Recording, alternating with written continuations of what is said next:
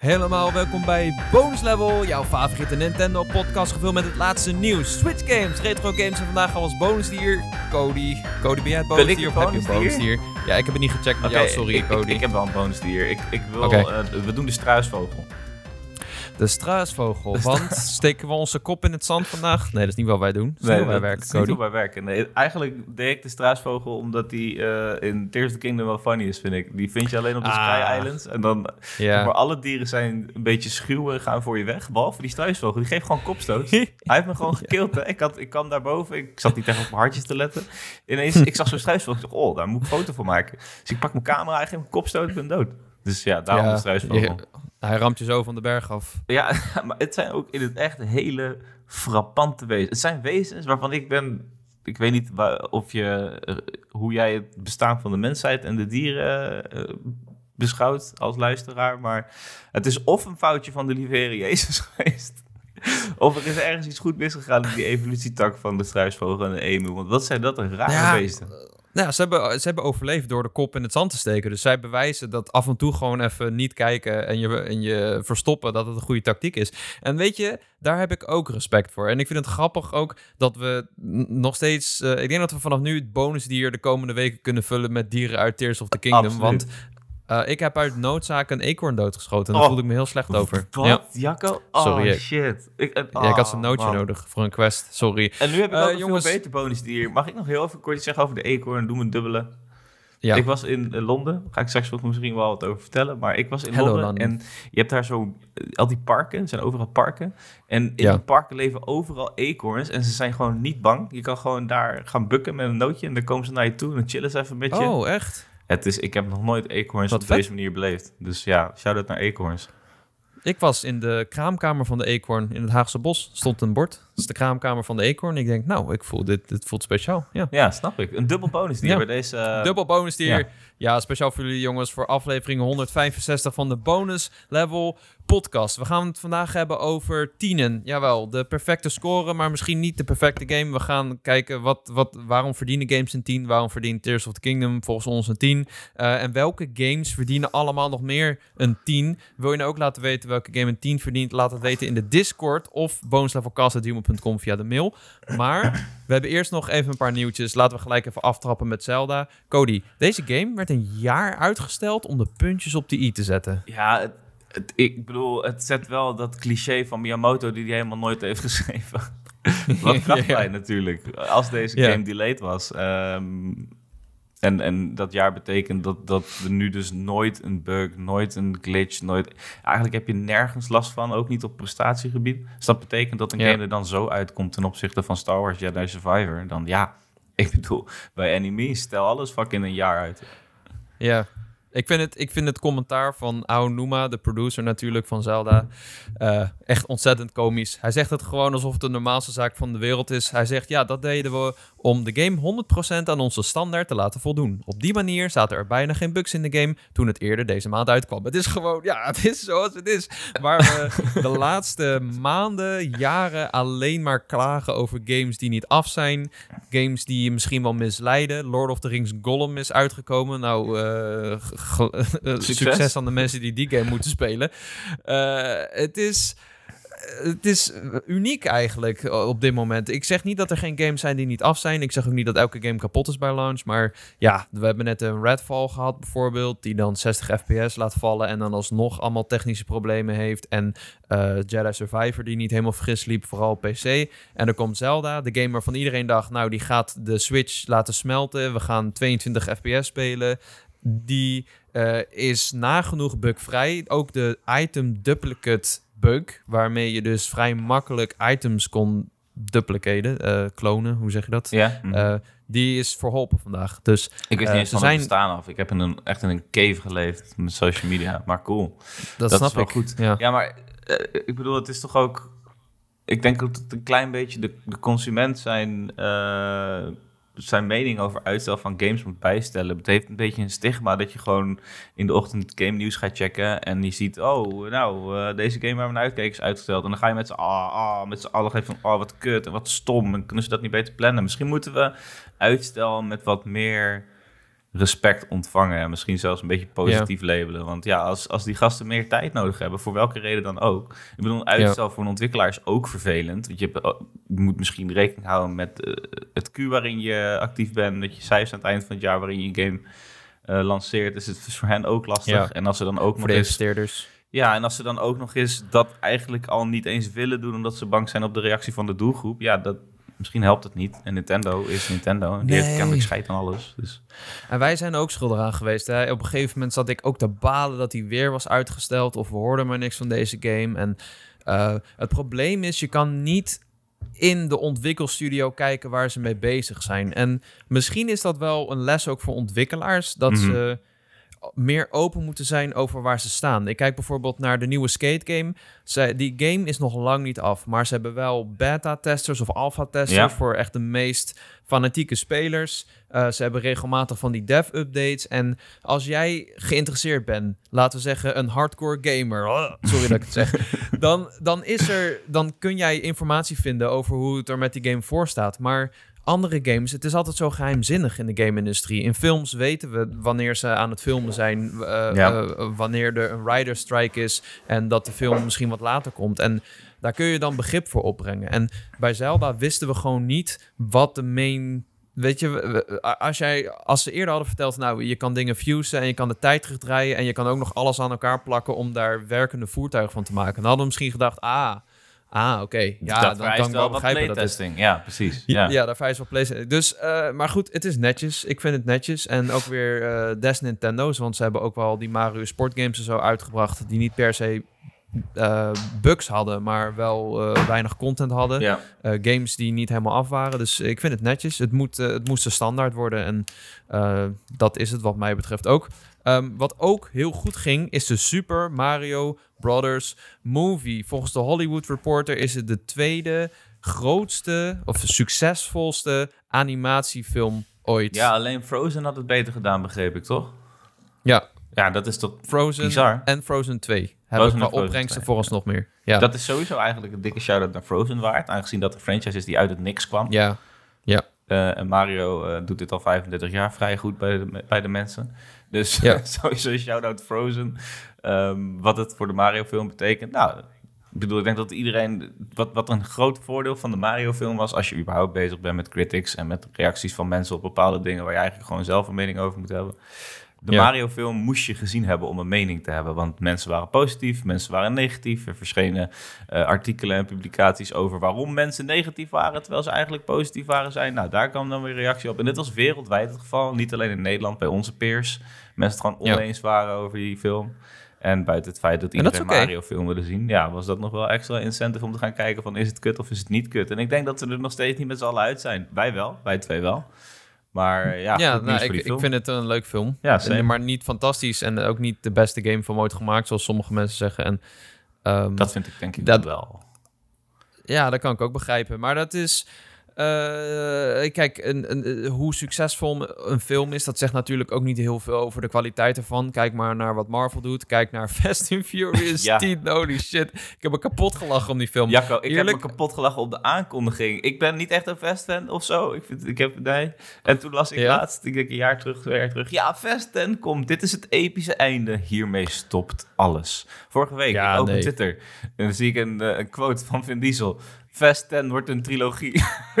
ja, klopt. En er zijn ook al spin-off uh, films in de maak waarschijnlijk. Oh, en er komt ook een, een vrouw, uh, eentje met alleen maar vrouwen of eentje met vrouwen in de lead. Uh, dit stopt niet, maar het is wel... aan de andere kant, als ik dan naar de animatiefilms kijk... dan de, de films die net zijn ingehaald. Incredibles 2, de Minions, Toy Story films. Zijn ook, het is ook, zijn ook geen wanproducten. Frozen, Frozen 2 zou je dan nog over kunnen twijfelen misschien. Mm -hmm. Maar Frozen is ook wel gewoon echt, weet je, met liefde gemaakt. En het is wel gewoon een goede film voor wat er moet doen. Het heeft ook een hele generatie aan vooral meisjes, denk ik, geïnspireerd om een prinses te zijn. en dat vond ik ja, inderdaad heel bijzonder. Nog even de cijfers. 1,2 miljard dollar opgeleverd in ticketverkoop. Frozen die hebben 1,3 en 1,5 miljard wow. dollar afgerond opgehaald. Gaat die film er nog overheen? Uh, het, het, het, gaat wel om bioscooptickets. De film draait nog steeds, zag ik toevallig. Ja, ik was er bijna weer kijken tot wanneer die op een eh, toegankelijke streaming service is. Hij zou naar waar zou hij nou heen komen? Disney of zo? Nee, Netflix. Netflix. En dan was ook echt Ja. wel best wel snel, toch? Iets van 10 juni of zo. Eh, was het niet oktober? Oh, oké, dat is wel een Ik verschil. weet niet meer. Nou, kijk, er, komen nu heel veel blockbusters uit. Je hebt Fast and Furious en wat is de volgende film? Eh, Spider-Man. en eh, er komen wel wat Ja. films die een beetje in hetzelfde grote publiek vaarwater gaan zitten. Dus ik denk, misschien haalt hij Frozen nog in, misschien Kan, niet. Kan. Ik vind het netjes, ja. Ehm, dan nog één quote van onze vriend Shigeru Miyamoto. Die zegt dat als hij weggaat, dat Nintendo niet verandert. Dat meldt hij in een interview met NPR. Eh, hij eh, bedacht natuurlijk Zelda, Mario en Donkey Kong. Hij heeft een functie met veel aanzien binnen het bedrijf, maar hij is ook niet zo actief. Eh, hij zegt, ik denk dat het niet echt gaat veranderen. Het gaat waarschijnlijk hetzelfde blijven. Er zijn mensen binnen het leiderschap, ontwikkelaars binnen het bedrijf, mensen die Mario maken. Ze voelen alle wat het betekent om Nintendo te zijn. En ehm, ik, ik geloof Miyamoto. En eh, dat komt eigenlijk door een ander nieuwtje wat ik vandaag las. Namelijk dat 70% van de mensen die aan Zelda Tears of the Kingdom hebben gewerkt, nog nooit aan Zelda hebben gewerkt. En dan denk ik, Hmm. holy shit, wat hebben jullie toch een bak met talentvolle mensen in huis. ja, ja. ja, ongelooflijk. Ja, die aantrekkingskracht is ook gigantisch natuurlijk van Nintendo. Maar ja, ja, ja ze gaan er volop. Hè. Het, ik bedoel, het, je ziet, het is natuurlijk ook niet heel gebruikelijk dat een uitgever ook de ontwikkelaar is en de, het marketingteam. Dat gewoon alles gaat natuurlijk via Nintendo. Zo, ja. ja, dus je kan het wel allemaal misschien wat beter controleren. Ik heb geen idee. Maar het is, het is bijzonder hoe makkelijk zij toch weer gewoon met een team van 70% nieuw talent een game maken die volledig binnen hun DNA past en toch vernieuwend is en een tien is en al die dingen. Het is fascinerend. Ja. Het is fascinerend en ik, ik geloof hem. En het is wel een ding natuurlijk, zeker bij Japanse bedrijven, dat eh, heel veel franchises die, die, die draaien een beetje om dezelfde, eh, ja, de bedenker. En die zijn vaak, Ja, eh, de franchises zijn vaak oud en op een gegeven moment gaan die weg. En dan is de vraag, ja, wie neemt het over? En ik heb het idee dat Nintendo heel erg zijn best doet om een stokje door te geven. Ook bij Game Freak, bijna iedere game die wordt geregisseerd door iemand die redelijk jong is, die nog weinig ervaring heeft met het regisseren van games. Die komt dan van de productiekant. Of eh, bij Sword and Shield was het de battle director die nu de, de hele game leidde. Eh, en je ziet dan ook af en toe wel een, een stukje DNA van die functie in de game terug. Aan de andere kant denk ik ook wel dat het, ehm, ja, je hebt ook wel iemand nodig met ervaring. Dat zie je ook wel met, met Tears of the Kingdom. Uh, die andere 30% die heeft wel Breath of the Wild gemaakt. En die weten hoe je zo'n game neerzet. En ik denk dat het wel waardevol is om in ieder geval mensen in het leiderschap te hebben die uh, weten hoe je dat in goede banen leidt. Het is Ja. gewoon, als, als jij shit voor het eerst doet, terwijl het eigenlijk al is gedaan door andere mensen, dan moet je het weer opnieuw uitvinden. exact. Terwijl als je een, een team bij elkaar houdt, dan, eh, dan krijg je gewoon een veel beter resultaat op die manier. Dus uh, ik, uh, ik vind het indrukwekkend. Ik vind het netjes van onze Miyamoto.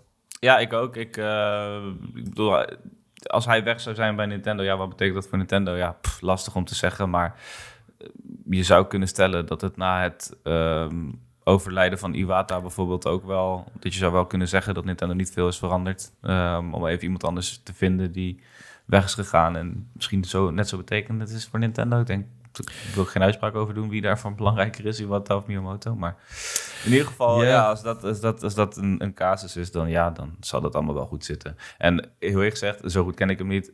ik heb hem nog nooit gesproken bijvoorbeeld of zo. Maar ik kan mij voorstellen dat, dat er mensen zijn die zeggen... Miyamoto stopt toch nooit met Nintendo. Ik, ik- ook als hij straks gepensioneerd is. Je gaat mij niet vragen dat ze even bellen van... Yo, vind je deze nieuwe Mario game leuk? En dat hij dan zegt ja, maar ik zou dit weghalen, dit weghalen en dit toevoegen. En dan is hij nog steeds net zo betrokken, toch? Ik weet het. Ja, als hij eigenlijk al af is, dat hij dan zo binnenkomt. dat hij dan zo, oh ja, ik ga toch die capje weghalen. Ja, fuck die cappy, ik zou man. toch iets anders doen. Maar meneer, we hebben drie hele werelden om deze personages heen gebouwd. Ja, kijk. nou ja, goed, Dat is ook, ja, maar die, die verhalen hoor je wel eens. Hè. Bij, bij Sony hoorde er dan iets meer over. Dat bijvoorbeeld eh, God of War, twee of drie maanden voordat die uit moest komen, kwam Yoshi- Yoshida, die toen nog eh, over de PlayStation Studios ging, wat Herman Huls nu doet, onze Nederlands vriend. Die kwam God of War spelen. En eh, iedereen zat peentjes te zweten. En die gast, hij, hij zei, het is niet goed. het is niet goed genoeg. Ja, vooral de performance. Hij draaide nog voor geen ene meter en de bel was nog niet uh, goed genoeg. Uh, ja, ga, ga dan maar eens je game aanpassen als je nog drie maanden hebt en de grote baas zegt het is niet goed. Ja, en dan Want komt ik speel er misschien ja. wel een uitstel. En dan worden we allemaal weer boos. Ja, ja. klopt. Goed, dat was het nieuws.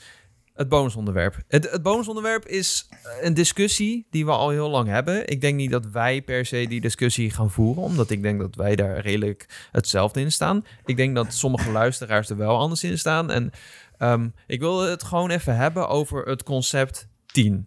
En misschien wel ook over het concept van cijfers, al is dat een iets bredere discussie. Wat is het ding? het concept van cijfers. En vervolgens nemen we het spreken van de mens, een taal dat voert, nemen we ook onder de loep. En uh, daarna gaan we nog cijfers... over non-verbale communicatie.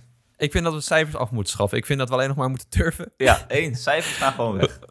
Ja, nee, ik bedoel natuurlijk cijfers voor videogames. Dat doen we op onze platformen gamer.nl.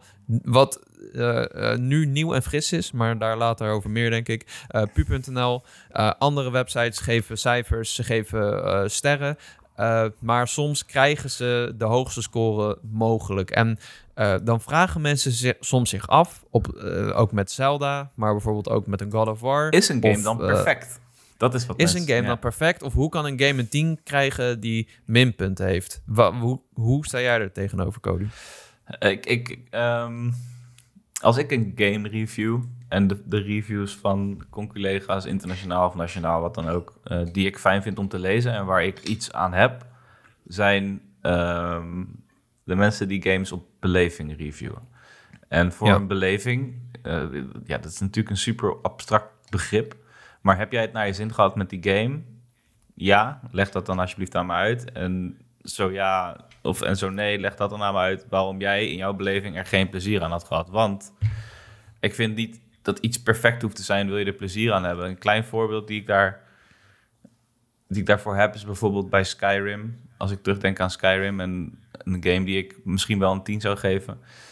Er is zoveel zo, mis aan die game. Weet je, het, ja. maar, maar je, je, je leert alles, als je die game veel speelt, te beoordelen alsof het in de wereld van Skyrim is. Als een NPC, NPC ineens, terwijl je midden in een quest zit, een berg afloopt en doodgaat, het gebeurt, het gaat je gebeuren.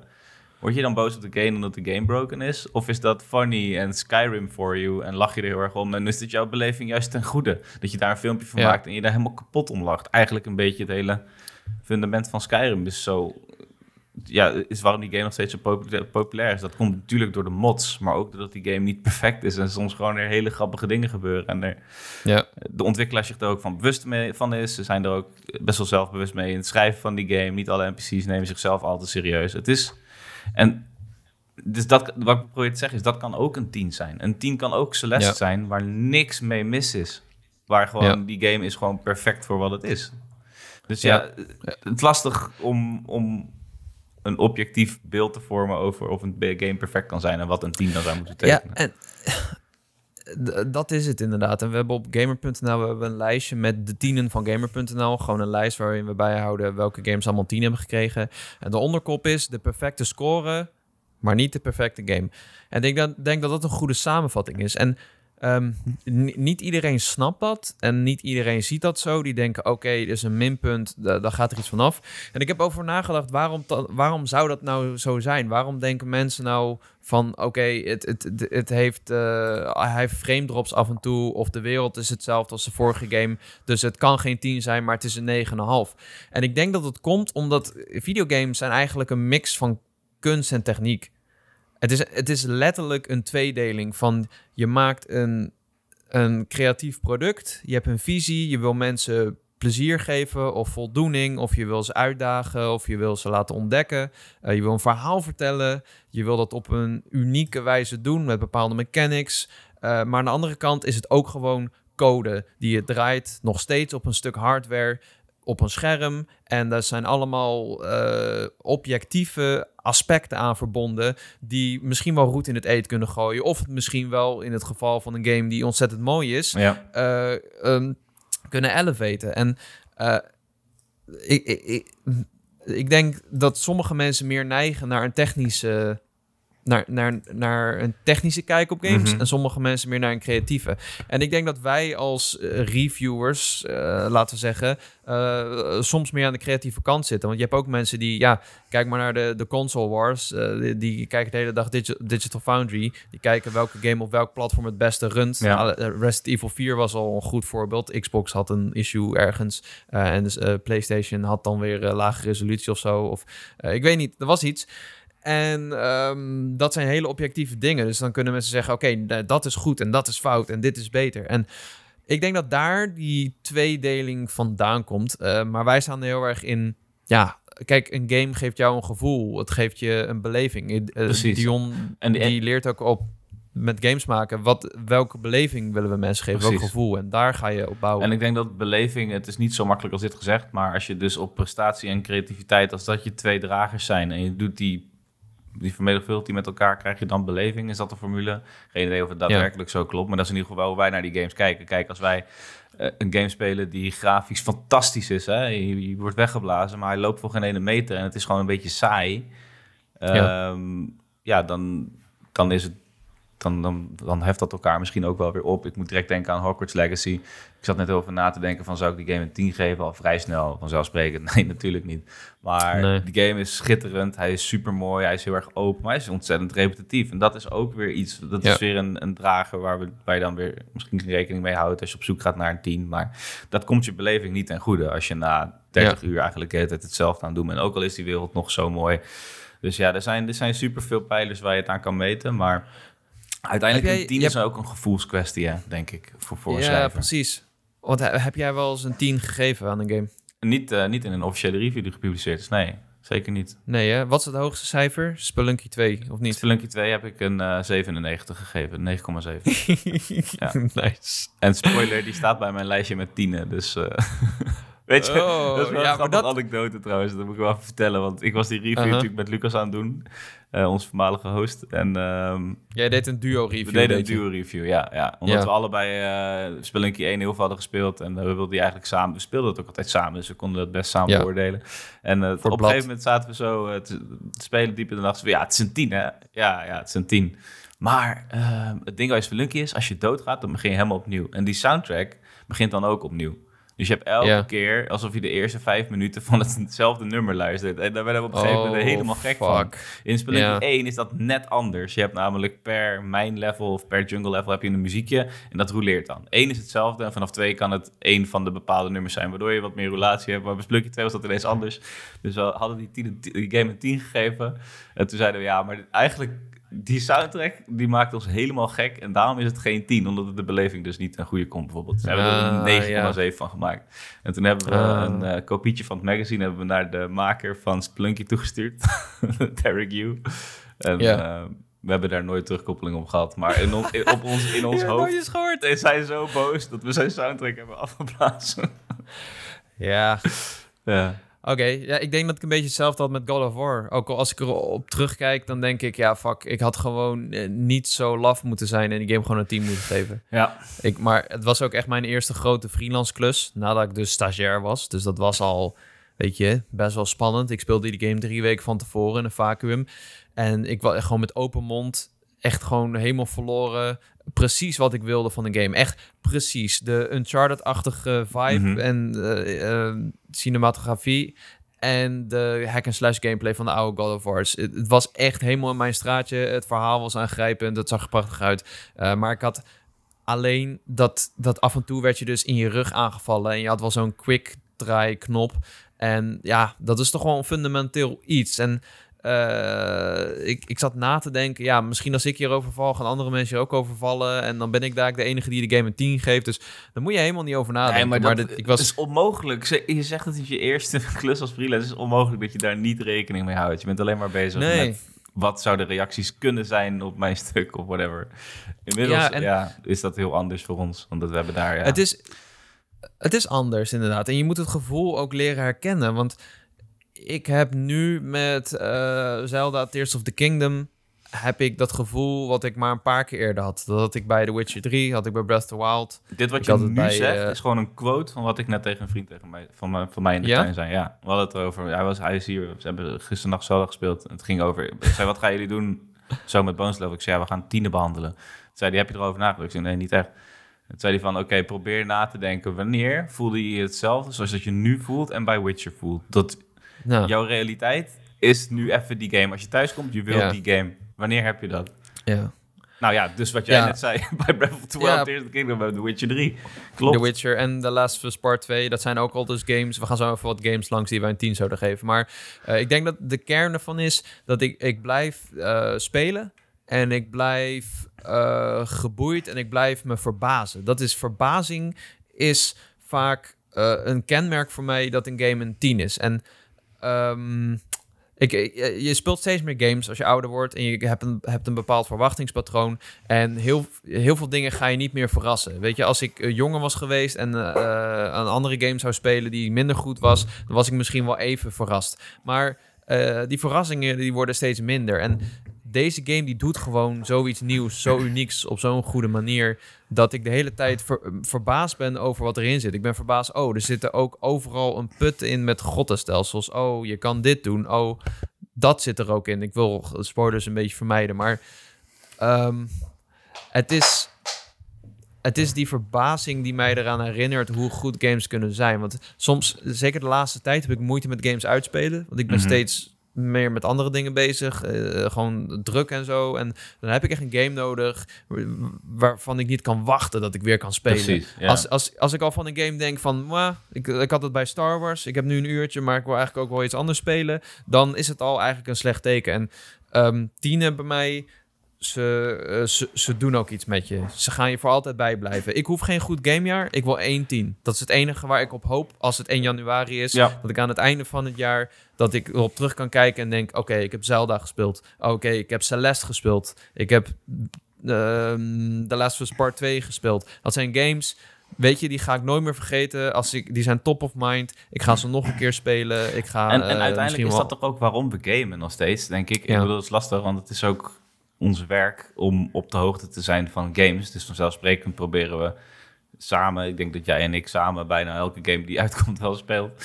Eh, Dat is nou helemaal hoe het gaat. Maar uitspelen is een heel ander verhaal. En Ja. eh, uiteindelijk game, ik denk ik, is wel ineens heel erg genuanceerd, maar uiteindelijk game je om games zoals The Witcher 3 mee te maken en games zoals Tears of the Kingdom mee te maken. En je weet, ik weet vaak niet precies waarom, maar bijvoorbeeld voor The Witcher heeft het betekend dat ik ben gaan lezen. Wat de hel? Dat was met niks Ja. anders gebeurd dan met gamen en dan in het specifiek The Witcher 3, omdat daar Ja. zoveel verhaal in is. En ook al zou je elk Ja. dialoogje, elke zijde kan spelen, dan mis je alsnog achtergrond of je mist alsnog context waar je meer van wil weten. En ehm, dat is uiteindelijk waarom ik game. Om, ik hoop dat ik dan weer zo'n obsessie krijg. Zoals dat ik bijvoorbeeld al mijn hele leven met Zelda heb. Van dat ik een kind van vier was of zo. Was ik al geobsedeerd door. Ja, gewoon door die fictieve wereld die daar hangt. En alles. Je wilt er alles over weten. En ja, uiteindelijk ben je daarnaar op zoek. En denk ik. Ik bedoel, dat betekent niet Ja. dat ik niet geniet van een 8 hoor. Ik geniet ontzettend van een 8. Ik denken bijvoorbeeld aan Mario 3D World. Zou ik denk ik, als ik die moet reviewen, misschien een 8,5 geven of zo. En hetzelfde Ja. geldt voor, en dit is wat ook lastig is, hetzelfde geldt voor Double Dash. Weet je, van, Ja, dat, dat, dat is niet een wereld waar je gefascineerd van raakt of whatever, maar het is wel iets wat je altijd kan blijven spelen. De hele vriendschappen heb je, on- Ja. heb je onderhouden met Mario Kart. Dat is vaak een, hey, kom je Mario Kart doen? Ja, en dan heb je die hele avond waarmee je een relatie onderhoudt. Wat wanneer je op latere leeftijd achterkomt best wel belangrijk is om zulke dingen te blijven doen, want je moet relaties Ja. onderhouden. En Mario Kart, of ik denk misschien nog wel een beter voorbeeld ligt eraan wat, hoe je vriendengroep eruit ziet. Super Smash. Hey, je komt Ja. Smash spelen bij mij. Bam, vier vrienden in een kamer. Is dat dan niet ook een tien? Want de beleving die ik dan heb is super puur. Ik ben dan echt Ja. met die gasten alleen die game aan het spelen. En Ja. Dus daarom heb ik me net afgevraagd, moet Mario Kart Double Dash of moet Smash Ultimate een 10 krijgen? Hm, lastig. Ja, dat vind, ik, dat vind ik lastig, want ik, ik kijk ook wel een beetje... eh, dit is misschien een beetje pretentieus hoor, maar ik kijk af en toe ook wel naar wat doet een game voor het medium games, voor het, game landschap zeg maar. Je kan niet ontkennen dat Ocarina of Time een 10 is, omdat die zo belangrijk was voor 3D adventure games. Hetzelfde geldt voor Mario 64. Terwijl als ik hem als ik hem nu zou spelen, weet je, dat, dan is het niet meer zo'n fantastische game. En de- daarom, ik vind Breath of the Wild misschien een beetje een uitzondering, maar Breath of the Wild is een 10, omdat het zoveel deed voor het open wereld genre. Als Tears of the Kingdom een mindere game was, dan was het misschien een 9,5 geweest. Uh, Tears of the Kingdom is op een hele andere manier heel goed. Maar uh, bijvoorbeeld een God of War zou ik een 10 geven. Maar God of War Ragnarok, nee, geen 10. Het is geen 10. Het is meer van wat die game toen deed. Wat die game toen op dat moment belangrijk maakte. Namelijk een, een one-shot van een, ja. weet je, een adventure actiegame. op een manier die nog niet eerder is gedaan over vaderschap. Die dat zo prominent in beeld bracht. Als Last of Us natuurlijk ook over vaderschap. Maar je snapt wat ik bedoel. Mm -hmm. Dus uh, Oké, we, we, hebben alle, allebei hebben een lijstje met games die wij een 10 zouden geven. Ik denk dat daar een paar obvious bij zitten.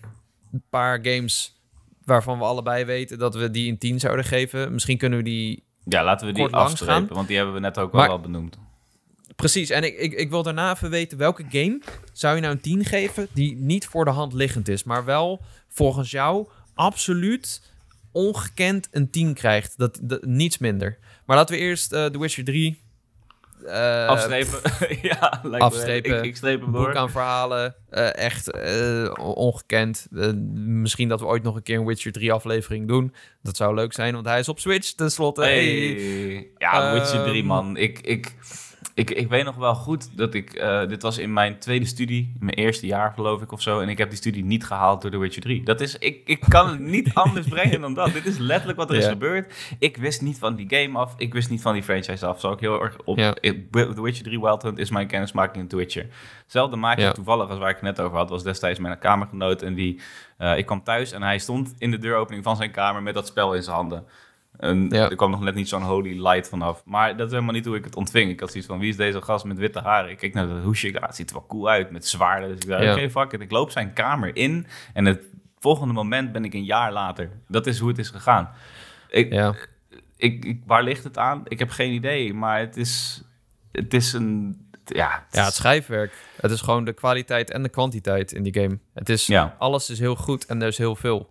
Maar de game zelf is... was ook ontzettend goed. En deed ook een heleboel dingen wat ik nog niet echt per se heb meegemaakt in deze vorm. Bijvoorbeeld de keuzes maken en je allies zelf vormen. En het feit dat je gewoon een, een bijna, eh, eh, ja, bijna een soort van hoofdverhaal mist. Omdat je ervoor kiest dat je niet met Kira Mats op een date gaat onder een boom. Je zegt nee. Je leest dat... Alles is een hoofdverhaal. Ja, alles is game. een hoofdverhaal. En dat is, was voor mij de allereerste keer in een game dat ik een sidequest ging doen wat niet aanvoelde als een sidequest. En ja. dat is een mijlpaal voor het hele gamelandschap. En daarom verdient die game een 10. Ik denk dat we dat is het. niet te veel ja, over nee, dat is het. moeten uitweiden. Dat, ja, dat perfect, is het. Uh, perfect verwoord. Ja, we hebben denk ik ook allebei Celeste. Ja, nou, dus uh, de perfecte game voor wat het wil zijn binnen zijn genre, binnen zijn kader. Het, ja, het is speelbare metafoor. Ja. Uh, perfecte leercurve, super goede soundtrack en echt een. die game heeft mij echt geholpen. Ja, dat, uh, en dat kun je ook niet altijd zeggen. Ja.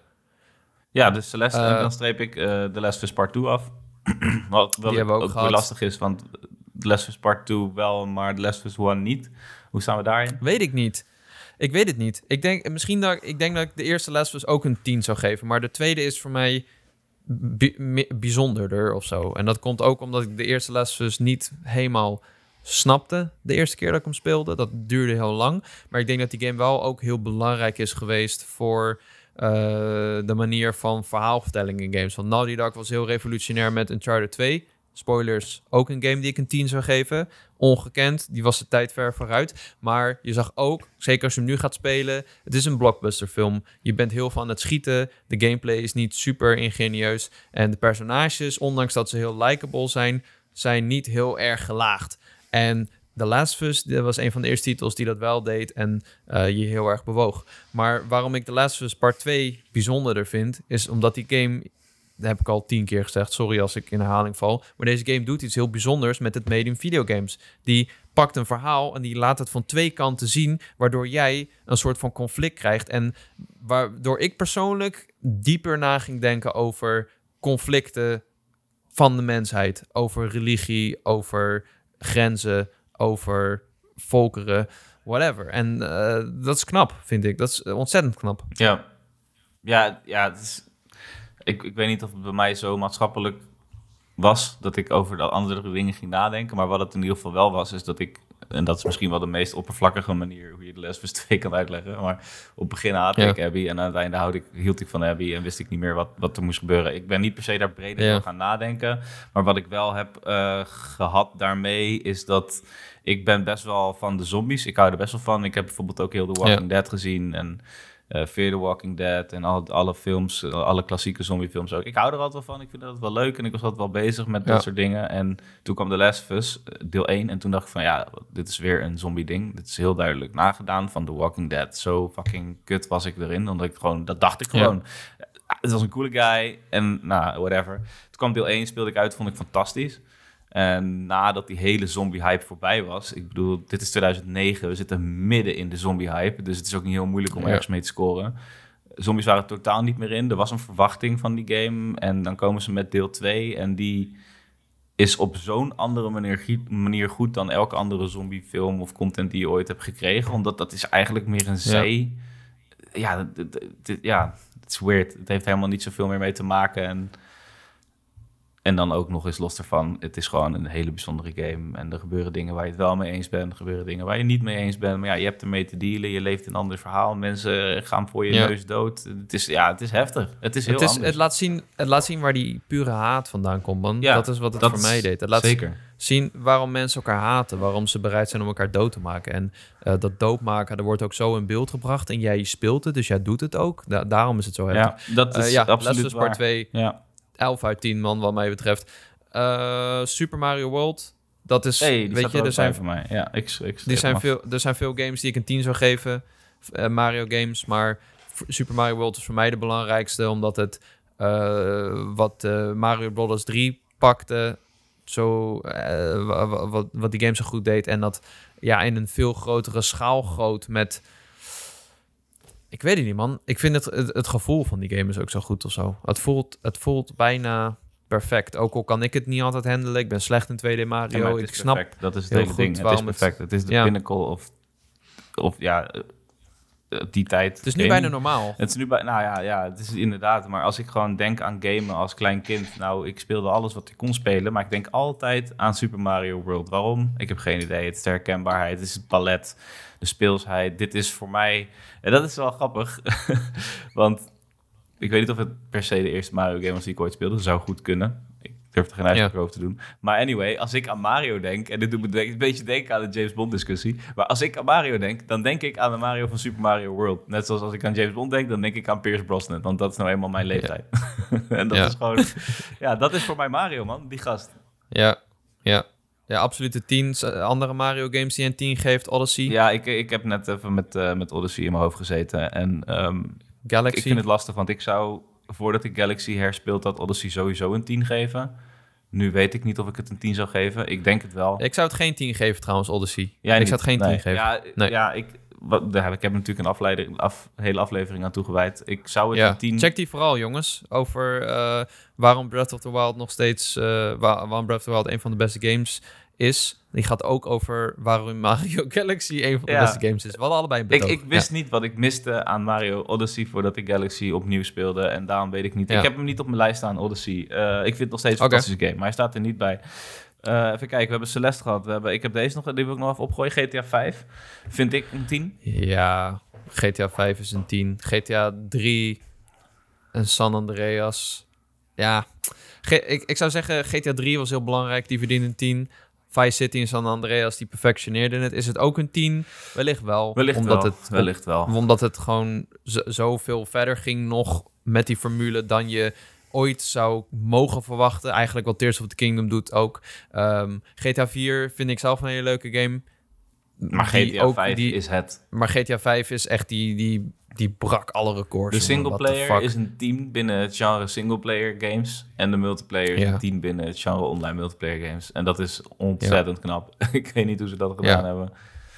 Dus uh, ja, het is ook de impact de die de game had, man. Ja, de details, de impact, de, de levendigheid. Alles is, alles is fantastisch. En ik vind het nog Ja, steeds soms goed. leuk dat ik denk van fuck, ik wil eigenlijk weer in die GTA 5 online le- live leven. Wat je best wel, ik heb best wel fases dat ik dat veel speelde en eh, dat is echt heel Ja, ik dus niet. Ik heb ook hele muziekgenres en, en zenders eh, geleerd door GTA 5. eh, wat eigenlijk niet meer van deze Ja. tijd is. Vroeger had je dat natuurlijk wel met Tony Hawk en veel van die EA-games. Ja. Niet for Speed, whatever. Daar kreeg je toffe soundtracks en ging je bandjes leren kennen. Ik heb dat eigenlijk nooit meer gehad, omdat zo fundamenteel is muziek niet meer in games, zou ik zeggen, op die manier, zeg maar, bestaande soundtracks. De, bijvoorbeeld Ja. de soundtrack van Celeste is natuurlijk heel essentieel, maar ik heb meer over... Het is niet heel vaak zo dat je een game opstart en je krijgt gewoon bestaande muziek voorgeschoteld. Bijvoorbeeld zo'n Riders Republic was een voorbeeld van hoe het niet moest. Die hadden volgens mij Ja. negen nummers en die circuleerden ze bij GTA had je hele muziekzenders. En omdat je die Ja. game zoveel speelde, ging je dat helemaal uitpluizen. En eh Ja. kreeg je een soort van newfound respect voor muziek. En nog steeds, dan zit je in de auto en hé, hey, is GTA liedje. Weet je, dat zeg je dan. Ja. En iedereen is daarmee eens. dus ja, GTA ja, 5. eh, andere, andere game die dat ook doet en ook een tien is, Tony Hawk's Pro Skater 2. Oké, ja. Eh, die, die pakte deel 1, die zei, nou, we doen wat levels en we maken iets mooier. En we doen de manual, zodat je oneindig combos kan maken. En eh, ja, dat was de game die gewoon in je vingers zat en eh, echt een flow eh, state bereikte. Dus nog even shout-out naar die. nou, dan wil ik ook direct mijn... ik laat hem hier zien. Op mijn lijstje. Ik kan het niet lezen, denk ik. ik kan het Maar niet Skate lezen, 3 man. staat daar bij mij bij. Dat was eigenlijk mijn, Skate 3? mijn game Oh. waarvan ik wilde zeggen van... Oh, dit had niemand verwacht en misschien is niemand ermee eens. Nou ja, vertel, waarom verdient hij een 10? Want ik zou hem denk ik geen 10 geven, ook al vind ik hem fantastisch. Skate 3 is volmaakt. Dat is alles wat ik kan zeggen. Zeg maar, Ja. de, de manier waarop Tears of the Kingdom is uitgewerkt, of Breath of the Wild is misschien is uitgewerkt met zeg maar, de regels van de natuur en dingen waar je zelf achter moet komen en inschatten of iets kan. Dat kreeg ik ook heel erg bij Skate 3. Natuurlijk, het is niet realistisch. ik zie niemand die gekke tricks maken die ze daar doen. En bizarre skatepark bouwen voor eigen leven gevaar. Maar Ja. dat neemt niet weg dat je... Ik was altijd bezig in die game met opzoeken wat er zou kunnen. Is er hier nog wat te doen? Kan ik hier dit halen?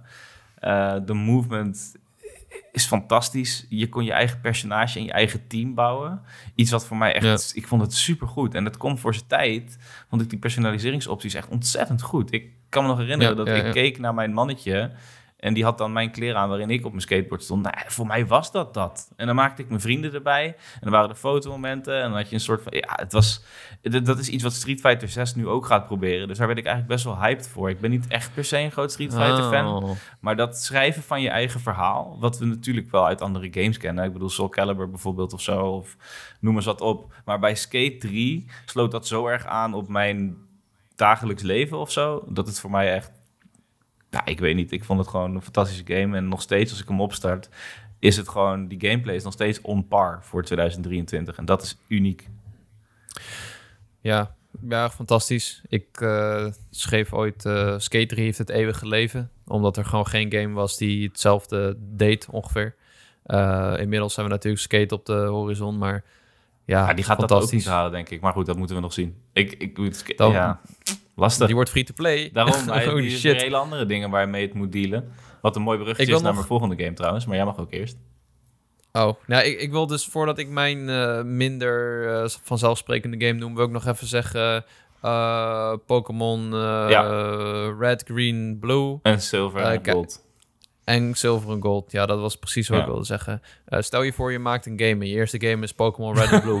je, zou bijna, je zou bijna vergeten hoe, hoe stoppen fucking erna, hoor. bizar dat is. Ja. Je zou bijna vergeten hoe fucking bizar het is. Omdat de games daarna zoveel beter zijn vergeleken met die eerste. Maar ja, van de muziek tot aan de, de, de, het vechtsysteem en de, de designs van de Pokémon en eh, het, eh, unieke wereldje en de lore. Eh, ja, het is bizar man voor een eerste game. En dan kwamen Gold en Silver, die, ver, die verbeterden die zoveel op zoveel manieren. En het, eh, het zag er zoveel beter uit. En Johto is nog zoveel interessanter. En de, de tweede generatie Pokémon is ook fantastisch. En dan heb je alsnog als bonus de hele eerste regio erbij. Ja, En ja. Het is... eh, Bizar. Pokémon eh, Red, Red, Red, Green en Blue, die waren echt eh, een hele goede basis. En Gold en Silver, die verbeterde dat zo. En eh dat één goed voorbeeld wat ik daarvan heb, is dat je heel veel van de gebaande paden kan afwijken in Gold en Silver. En dat je daar ook altijd wel iets Ja. te vinden vindt. Je vindt een grasje met unieke Pokémon. Je vindt daar een, iemand die je een leuk item geeft of een, een soort van mini-quest voor je heeft. En dat hebben zelfs heel veel recente games niet echt. Dus shout-out naar Gold en Silver. Mijn minder... Ja, hij ligt wel voor de hand. We hebben het over deze game gehad. Eh, Marcel kwam langs om over deze game te vertellen. Nier. Toen hij Ah, uitkwam op Switch. ja. Nier, Automata. En ik, ik, waarom die minder vanzelfsprekend is, het is een hele bittere pil. Het is echt een, een, een... Je moet door de zure appel heen bijten om deze game leuk te vinden. Want je moet hem meerdere keren uitspelen. Ja. Waarom ik het zo bijzonder vond, is dat ik de eerste keer deze game uitspeelde en dacht... "Mm, Oké, er was best een leuke actie-RPG. Ik hou van de gameplay van Platinum. Het was iets meer RPG dan eh, Bayonetta, maar nog steeds heel erg actie. Eh, was oké, weet je. Was een beetje gek Japans, maar was oké. En dan ga je nog een keer spelen en dan is het de eerste helft saai. En in de tweede helft dan split je en dan zie je wat eh, ehm, 9S, ehm, het andere personage, in de tijd doet als ze uit elkaar zijn. En dan denk je, oh, wacht eens even. Volgens mij is er tegen mij gelogen. Volgens mij is er iets totaal anders aan de hand. En aan het einde van die game kom je dan daarachter en dan denk je, wauw, dit gooit alles op zijn kop. En dan druk je weer op start en dan heb je eigenlijk gewoon een deel 2 van de game met nog weer een nieuw personage, wat een, het hele eh, complot wat jij hebt ontdekt in eh, het vorige deel, het einde B, ga jij in einde C, ga je helemaal uitvogelen. En dan is er ook nog een einde D, wat je ook gewoon met een save kan doen. Ik heb niet de game nog een keer gespeeld. Uh, maar ik was er zo van onder de indruk. Ja. Van, dit is ook weer iets wat alleen een videogame kan doen. En ik had het nog niet eerder meegemaakt... omdat ik de vorige Nier niet heb gespeeld. Die heb ik daarna wel gespeeld. Ook een hele bijzondere game. Maar die heeft nog veel meer minpunten. En die is nog veel lastiger om doorheen te komen dan Automata. Automata speelt heel lekker. Automata heeft hele snelle gameplaywisselingen. Van platformer naar bullet hell shooter naar text adventure. En ja, dan, dat is echt eh, zo bizar aan die game, man. Jezus. ja, het is, het is bizar. En dan die soundtrack. Voor mij de beste soundtrack ooit. Met een core van... Weet je, ze hadden niet zo hard hoeven gaan. Maar ze hebben echt alles uit de kast... Ze hebben alles uit de kast getrokken voor deze gaan echt... Ja, Ja, ja, heb je gelijk in, ja.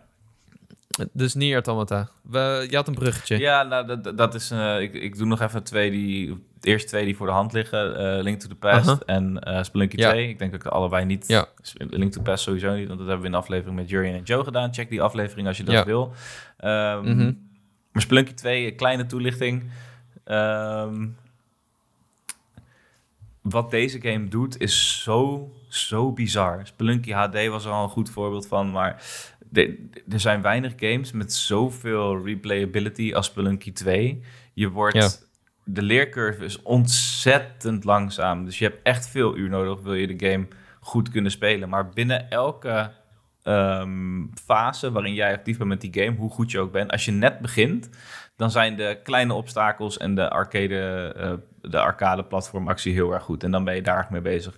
Word je iets beter, dan ga je je verdiepen in, oké, hoe moet ik deze game eigenlijk spelen? Wat is eigenlijk het doel? Want heel veel mensen hebben dat niet eens door. Je bent gewoon zo ver mogelijk aan het komen. Nou, dan ben je met Ja. dat doel bezig. Dan ga je denken, oké, hoe combineer ik dan mijn platformactie met die doelen? Nou, voor het eerst haal je je doel misschien na 20 uur. Je bent ontzettend blij. Denk je, was dat die game dan? Nee, want dat was het meest makkelijke doel. Nu ga je het is bizar. doel van die game zoeken. En ehm, alles heeft iets met elkaar te maken. Er zijn onwijs veel geheimen, onmogelijk veel geheimen voor jou om te ontrafelen. En je voelt jezelf ook elke keer de detective, omdat je komt bijvoorbeeld in level 2 kom je een zwaard tegen en je bent altijd al gefascineerd door het zwaard. Hij ligt altijd op dezelfde plek. Hij is net iets cooler dan de rest. Je denkt, weet je, ik ga gewoon het ervoor over hebben om deze drie, vier levels met me mee te nemen. Wat dus betekent dat je eigenlijk heel beperkt bent in je gameplay, want je hebt iets vast. Dus je kan niet iets vasthouden bijvoorbeeld. Je moet heel moeilijk manoeuvreren door de levels die je al best wel misschien redelijk goed kent, ondanks de procedure gegenereerd zijn. En Aha. dan kom je aan bij dat level, je hebt dat zwaard, je hebt het overleefd, wat al een wonder is. En je legt dat zwaard daar neer en ja hoor, hij klikt in dat ene gat die je ook verdacht was, waardoor jij een soort van King Excalibur kroon krijgt, waardoor je bij jou een lichtje gaat branden. Holy shit, ik zag in, nou, dit en dit level, wat als ik deze wegneem, kom ik daaruit. Daar heb ik een Ja. ander zwaard in een steen zien zitten. Ik heb nu een kroontje. Zou ik dan nu Arthur zijn? Zou ik dan nu de kracht hebben om die steen, eh, om dat zwaard uit dat steen te halen? En ja hoor, dat kan ook weer. En dan heb je dat geleerd en dan weet je, oké, dat is iets wat ik moet meenemen in mijn volgende gameplay. Op een gegeven moment ga je al die losse verhaaltjes die je zelf hebt geschreven samenvoegen en is er één groot geheel Ja. wat je wil uitspelen. En dat is zo ontzettend moeilijk dat je geen idee hebt hoe lastig het eigenlijk daadwerkelijk is. Maar, eh, oké, ik heb een vraag. Maar eh, jij, jij hebt ook eh, de eerste Spelunky helemaal kapot gespeeld. En die vond je ook fantastisch. Waarom zou je dan 2 in 10 geven? Is dat omdat die dan nog zoveel uitgebreider is? Of is dit wat jij net beschrijft, zit dat niet in het eerste deel? Dat zit in het eerste deel, maar tot een gezonde hoogte. Het eerste deel, ehm, ook als jij daar nu in zou gaan, dan heb je na 20 uur heb je hem wel een keer uitgespeeld. En dan heb je al die geheimen zelf ontrafeld op dezelfde manier. Ja, Ze doen ze best wel heel erg goed, alleen iets meer geregisseerd. En in Spelunky 2 gaan ze daar volledig mee overboord. Het is belachelijk. Oh, Eh, ze, hebben, ze weten nu, de mensen die Spelunky 1 hebben gespeeld, die weten dat wij van geheimpjes houden en van eh, leuke riedeltjes verstoppen in onze levels. Nou ja, dan is Ja. Spelunky 2 wel wat voor jou, want die zit helemaal vol daarmee.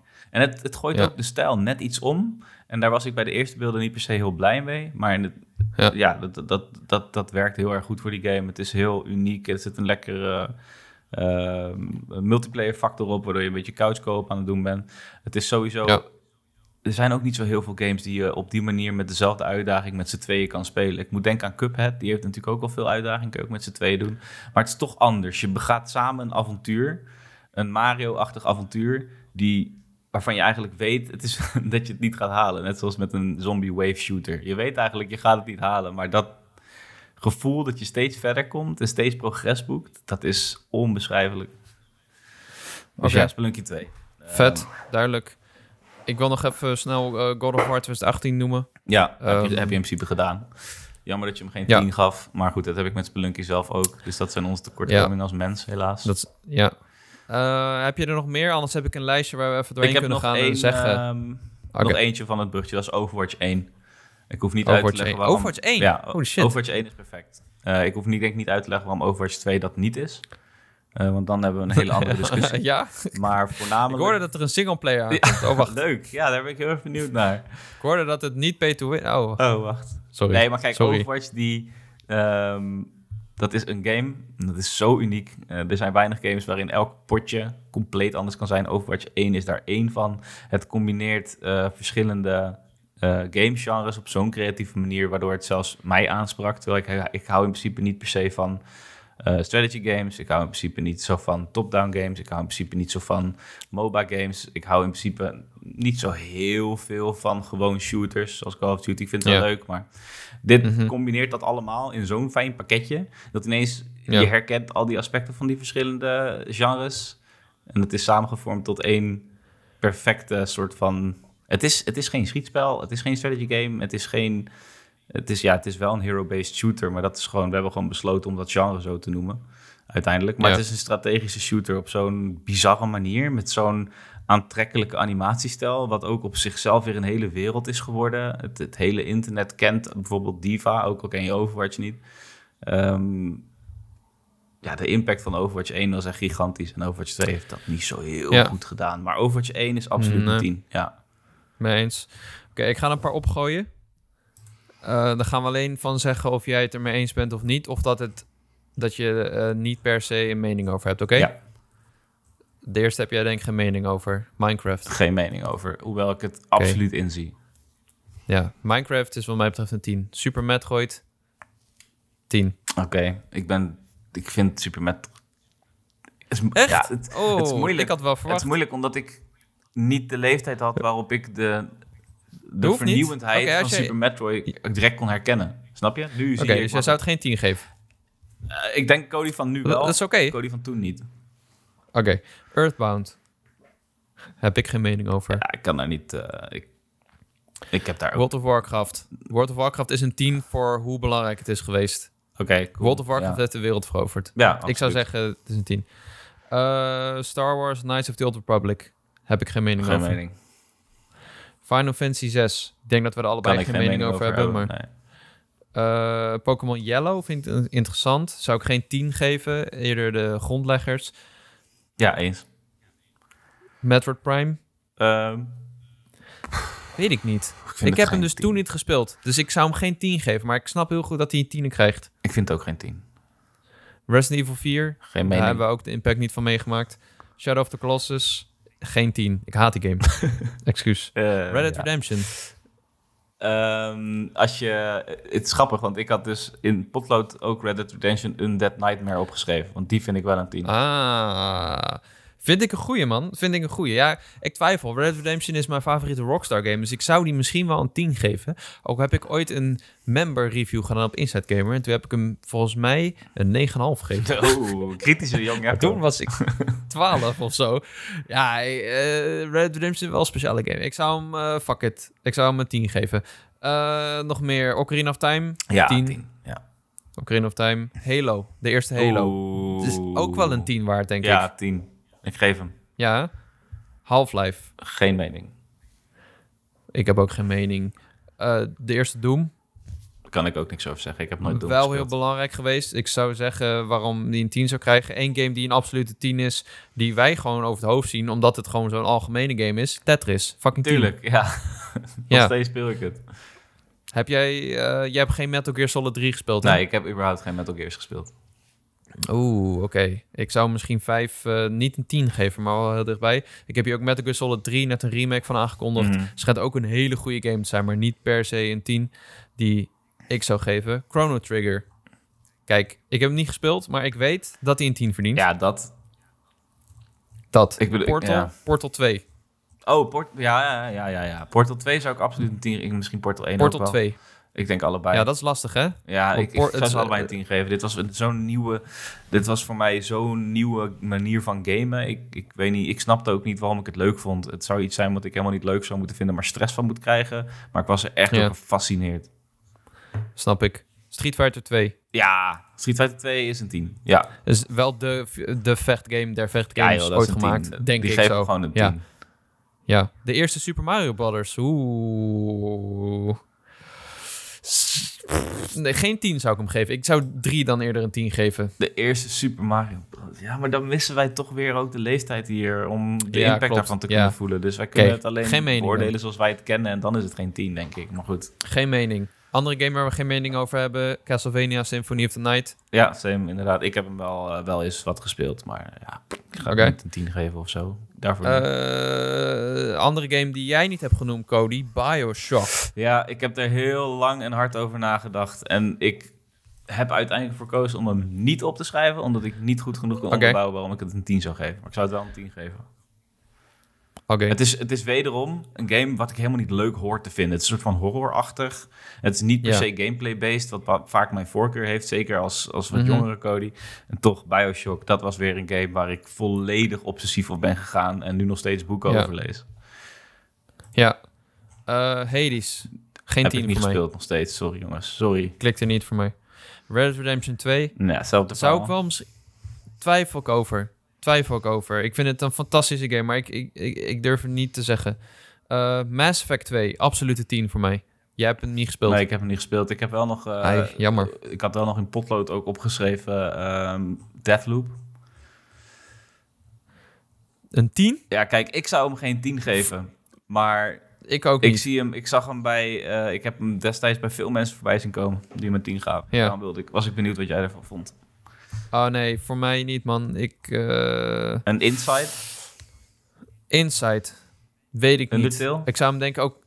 Undertale ook geen 10 zou ik hem geven. Maar wel heel hoog. Heel hoog. Laten we dat vooropstellen, mensen. Ik vind dat fantastische games. Maar voor mij zijn er niet persoonlijk tienen. Ja, ik, Eh, ik heb er nog eentje. eh, Call of Duty 4 Modern Warfare. 10. ja, ik, lastig. Bij mij is het World at War, vind ik de beste Call of Duty. Is World at War een 10? Ja, maar Nee, World at War is geen 10, natuurlijk niet. 4 heeft de, de game veranderd, man. Dat is absoluut waar, ja, zeker. Maar goed, dan en zou je kunnen zeggen... vind ik... Maar dan, dan vind ik Counter-Strike ook een 10. Maar goed. Ja, maar dat vind ik... Dan, dan, daar ben ik het helemaal mee eens.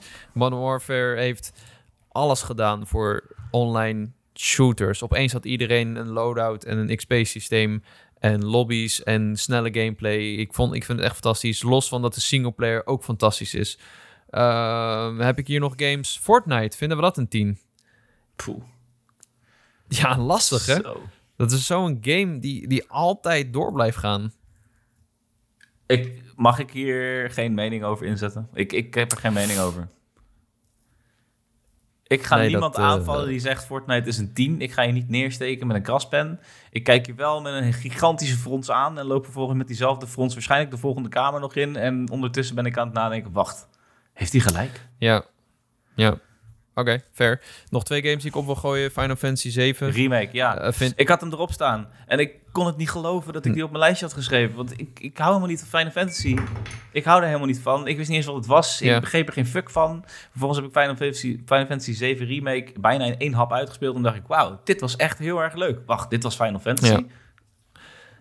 ik, ik zou eh, zeggen de originele, een 7, eh 7 een, een 10. Eh, ik vind de remake wel goed, maar hij is net, zeg maar, hij heeft net een te open einde. Dat wel, ja. Hij is niet compleet. De game voelt niet compleet. Nee. Ja, en ik snap, ik speelde 7 en ik was zo onder de indruk van het schrijfwerk en de soundtrack ervan en, en, en de wereld, hoe ze die hebben geschreven, eh, dat ik het is geen zou 10, zeggen, ja oké, dit is 100% een 10. Stel je voor dat je dit speelt, jongen, als dat uitkomt. Ja, dat dit wel. toen. Dat wel. Ja. ja. ja is ja, en- lastig. Laatste game nog, en dan moeten we denk ik gaan afsluiten. Animal Crossing New Horizons. Zou je die een 10 geven? Uh, zijn we weer bij nieuw, eh, zijn we weer bij Animal Crossing New Horizons aangekomen. Hoe is het toch weer zo ver in bonus Ja. level? Ja, eh, dan ga ik dezelfde dingen zeggen die ik altijd zeg. Het is een fantastische game. Eh, het was mijn meest geanticipeerde geen- ja, game dat van toen. Het heeft Ja. ontzettend veel geluk gehad met dat gekke griepje die de wereld rondging. En daarom is het Ja. beslist een 10. Omdat het op het perfecte moment Ja. werd uitgebracht. En het was wat iedereen nodig had die twee jaar. Dus ja, dat Mijn ervaring met die game is wel een 10, ja, denk ik. Maar of ik het, of het game echt, echt per se een 10 zou geven, waren toch net wat gebreken en wat... Ja, het is lastig Ja, bij Animal Crossing wil je games- altijd meer. Er is zoveel, maar je wil altijd meer. Als je een bal ziet, wil je die bal in de basket kunnen gooien. Dat kan helaas niet bij Animal Crossing. en sommige games kunnen dat wel. En dat vind ik dan net, wa- waardoor het net geen 10 is, maar wel echt gewoon een hele goede game. Oké, eh, jongens, hebben jullie thuis ook nog een game die een Skyrim 10 zou geven? Sterker nog, Skyrim is een Skyrim, ja, ja, ja. Oké, ja. Dan mee eens wel, mee eens. Ja. Hebben jullie thuis ook nog een game die een 10 zou geven? Laat het weten in de Discord. Die vind je in de beschrijving van deze podcast. En stuur ook een mail naar bonuslevelcast.gmail.com. Dan lezen wij die en lezen wij die voor. Yeah. Ehm, mocht je denken, deze aflevering klinkt iets anders. Net zoals de vorige aflevering, dat klopt. Eh Cody is met vakantie. Cody die, eh, is speciaal voor de podcast aangeschoven tijdens de vakantie. Yeah. Anders was er geen podcast of eh, een mindere podcast. Want laten we eerlijk zijn, geen gast kan Cody vervangen. Dus Ah, ja, ik voel me helemaal... dik- ja. Leuk. dik respect daarvoor. Nee, ja, maar het, is, het was een hele chaotische week. Dus eh, vandaar dat we iets later zijn en dat het iets anders klinkt. Ik denk, ik moet dat toch even zeggen. Want we hebben een hoop nieuwe luisteraars. En we hebben ook een hoop trouwe luisteraars die eh, dat graag willen weten. Nieuwe Gamer is gelanceerd. Daar was ik heel druk mee bezig. Daar ben ben ik nog steeds. Thanks. Neem vooral even een kijkje, gamer.nl. Eh, maar daar was ik heel druk mee bezig. Alles was kapot. Nou, niet alles, maar er was veel kapot en veel kleine issues. En mensen snappen het systeem nog niet. Dus ik echt gewoon van ochtends vroeg tot avonds laat daarmee bezig geweest, dagelijks. We hadden even een PlayStation Showcase. Die kwam ook nog tussendoor. En we hadden ook nog het NK Allround Gaming, wat we eh, deze zaterdag, dit weekend, gaan doen. Eh, dus we gaan in het weekend gewoon nog even gezellig door. En eh, vandaar dat Bones Level nog even er tussendoor moest in deze kale studio. Want alles is meegenomen voor de productie. ja, Zo weten ik jullie voel het dat. al kaal, ja. Ja, alles is weg inderdaad. Hier staat niet zo heel veel. Dus eh, dan weten jullie dat mensen. En eh, wil jij nog iets zeggen, Cody? Nou ja, ik wil eigenlijk nog wel een afsluitend woordje doen over Tears of the Kingdom. Want ik ben eigenlijk nog helemaal niet mijn ei daarover kwijtgekund. Ik heb weer heel erg uur veel gespeeld. Ik zit nu op denk ik 140 uur. Ehm, Jezus. Er zijn een aantal dingen die ik wilde benoemen. Eh, ik wilde even een compliment geven aan hoe fantastisch de dorpjes en de steden zijn in Tears of the Kingdom. Iets wat we totaal niet in Ja. Breath of the Wild hebben gehad. Eh Hatino, ga daar zijmissies doen. Het is ontzettend leuk. En, ja, daar ben ik net aangekomen. en, en het ding Ziet is, er zo lekker uit. daar zitten dus ehm, schoonheden van Zelda verstopt... die je totaal niet krijgt in Breath of the Wild of Tears of the Kingdom. Als je er maar naar zoekt, dan zijn ze er wel. Bijvoorbeeld in Twilight Princess moet je... eh, moet je via een, een gat onder een hutje als Wolflink naar binnen komen om stiekem een schild te pakken, en stiekem een zwaard te pakken. Dat zijn Zelda-iconische missietjes met heel veel ziel. En dat had Ja. je niet. Die zijn er wel. Alleen daarvoor moet je die dorpjes Ja. ingaan en die zijmissies doen. Dat is echt heel leuk. Ja, ja, ja. En wat ik daarmee wilde zeggen, dan zie je ook hoe vet veel patroontjes alle NPC's hebben. Je kent dezelfde NPC Zijn rondjes zijn elke keer anders. Als het regent, dan kom je hem tegen onder een boom, is hij aan het schuilen. Als het zonnig is, dan loopt hij in zijn boot in- zonder shirtje buiten. Als het eh, nacht is, dan is hij in zijn bed. Al die personages leden hun eigen leven in die steden. En dat zal je bijna vergeten, omdat je zo bezig bent met die gigantische wereld. Maar vergeet niet de Ja. schoonheid in de kleine hoekjes te zoeken. Dat is echt heel erg leuk en een hele andere Zelda-ervaring. En ik wilde de tip geven dat je goed...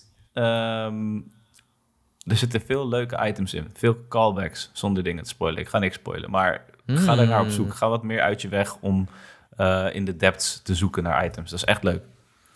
De depths, ah, oké. Oké, oké, oké, oké. Dat vind ik een goede tip. Ja, ik, ik ben het me eens met eh, ook die, eh, de dorpjes zijn ontzettend leuk. Want ik ben toevallig net in Hatino aangekomen. En ja, dat ziet er toch wel anders uit dan het Hatino in Breath of the Wild. En eh, ja, je kan dus iets meer naar binnen, veel meer. En ik stond dus op een gegeven moment in een huisje en het was echt heel groot opgezet. Ik denk, wauw, dat is eigenlijk wel... Ik hou heel erg van interieur in games. Ja, ik vind ik. su- super leuk om ergens binnen te gaan en dat je daar ook een trap op kan en zo door het huis kan kijken en dat er allemaal spullen liggen. Eh, dat, voelt, dan, dat voelt zo eh, realistisch, zo cozy. En ik vind dat tot nu toe heel goed Ja, gedaan. het is leuk. Je ziet, ehm, je ziet zeg maar per stad en per dorpje wat er in die tijd tussen Breath of the Wild en Tears of the Kingdom is gebeurd met die familie. Eh, of in het geval van de Zora's die natuurlijk ouder kunnen worden, zie je misschien wel dezelfde Ja. mensen terug. En er zitten een heleboel kleine verhaaltjes in die eh, in Breath of the Wild misschien ook zaten. Misschien heb ik helemaal niet goed gekeken, terwijl ik de game toch wel 100% heb, dacht ik. Maar Tears of the Kingdom eh, doen ze dat heel erg leuk en dat, wil ik, dat wilde ik nog even meegeven aan mensen. Hetzelfde geldt voor de caves. Ja. Daar zit ook een stukje Zelda in wat in Breath of the Wild niet hadden. Dus ze hebben, ehm, ja, ze hebben wel wat leuke dingetjes toegevoegd die toch nog wel ontbraken aan Breath of the Wild. En eigenlijk wist ik dat niet Ja. voordat ik deze game speelde. Ja. Dus eh, ja, nog even een klein Cool, complimentje aan Tears of the Kingdom. Want daarvoor zijn we hier toch uiteindelijk allemaal, hè? ja, we, we kunnen onszelf al rebranden naar een Zelda-podcast. Nou, het viel deze week wel mee. Zeker, En eh, ja. we gaan ook zeker niet elke week over Zelda praten. Ik denk dat we binnenkort wel even moeten vooruitblikken op wat we nou van Nintendo nog kunnen verwachten de rest van het jaar. Want we hebben, eh, misschien moet dat we onze voorspelling even erbij moeten pakken. Die we ah, in de eerste aflevering hebben gedaan van dit jaar. Ja, is misschien wel leuk. Ja, leuk. Laten we dat doen. Ja, Ja, nou, dan weet u dat. Dan kunnen jullie daar naar uitkijken naar de volgende aflevering van Bonus Level. Vond je dit nou een leuke aflevering? Laat dan even een beoordeling achter in de podcast-app van Spotify of Apple Podcast. En dan zien we jullie bij de volgende bonus level. Bonus Level. Hey, oh, hey. Hop, hey. Hop, hey. Sorry.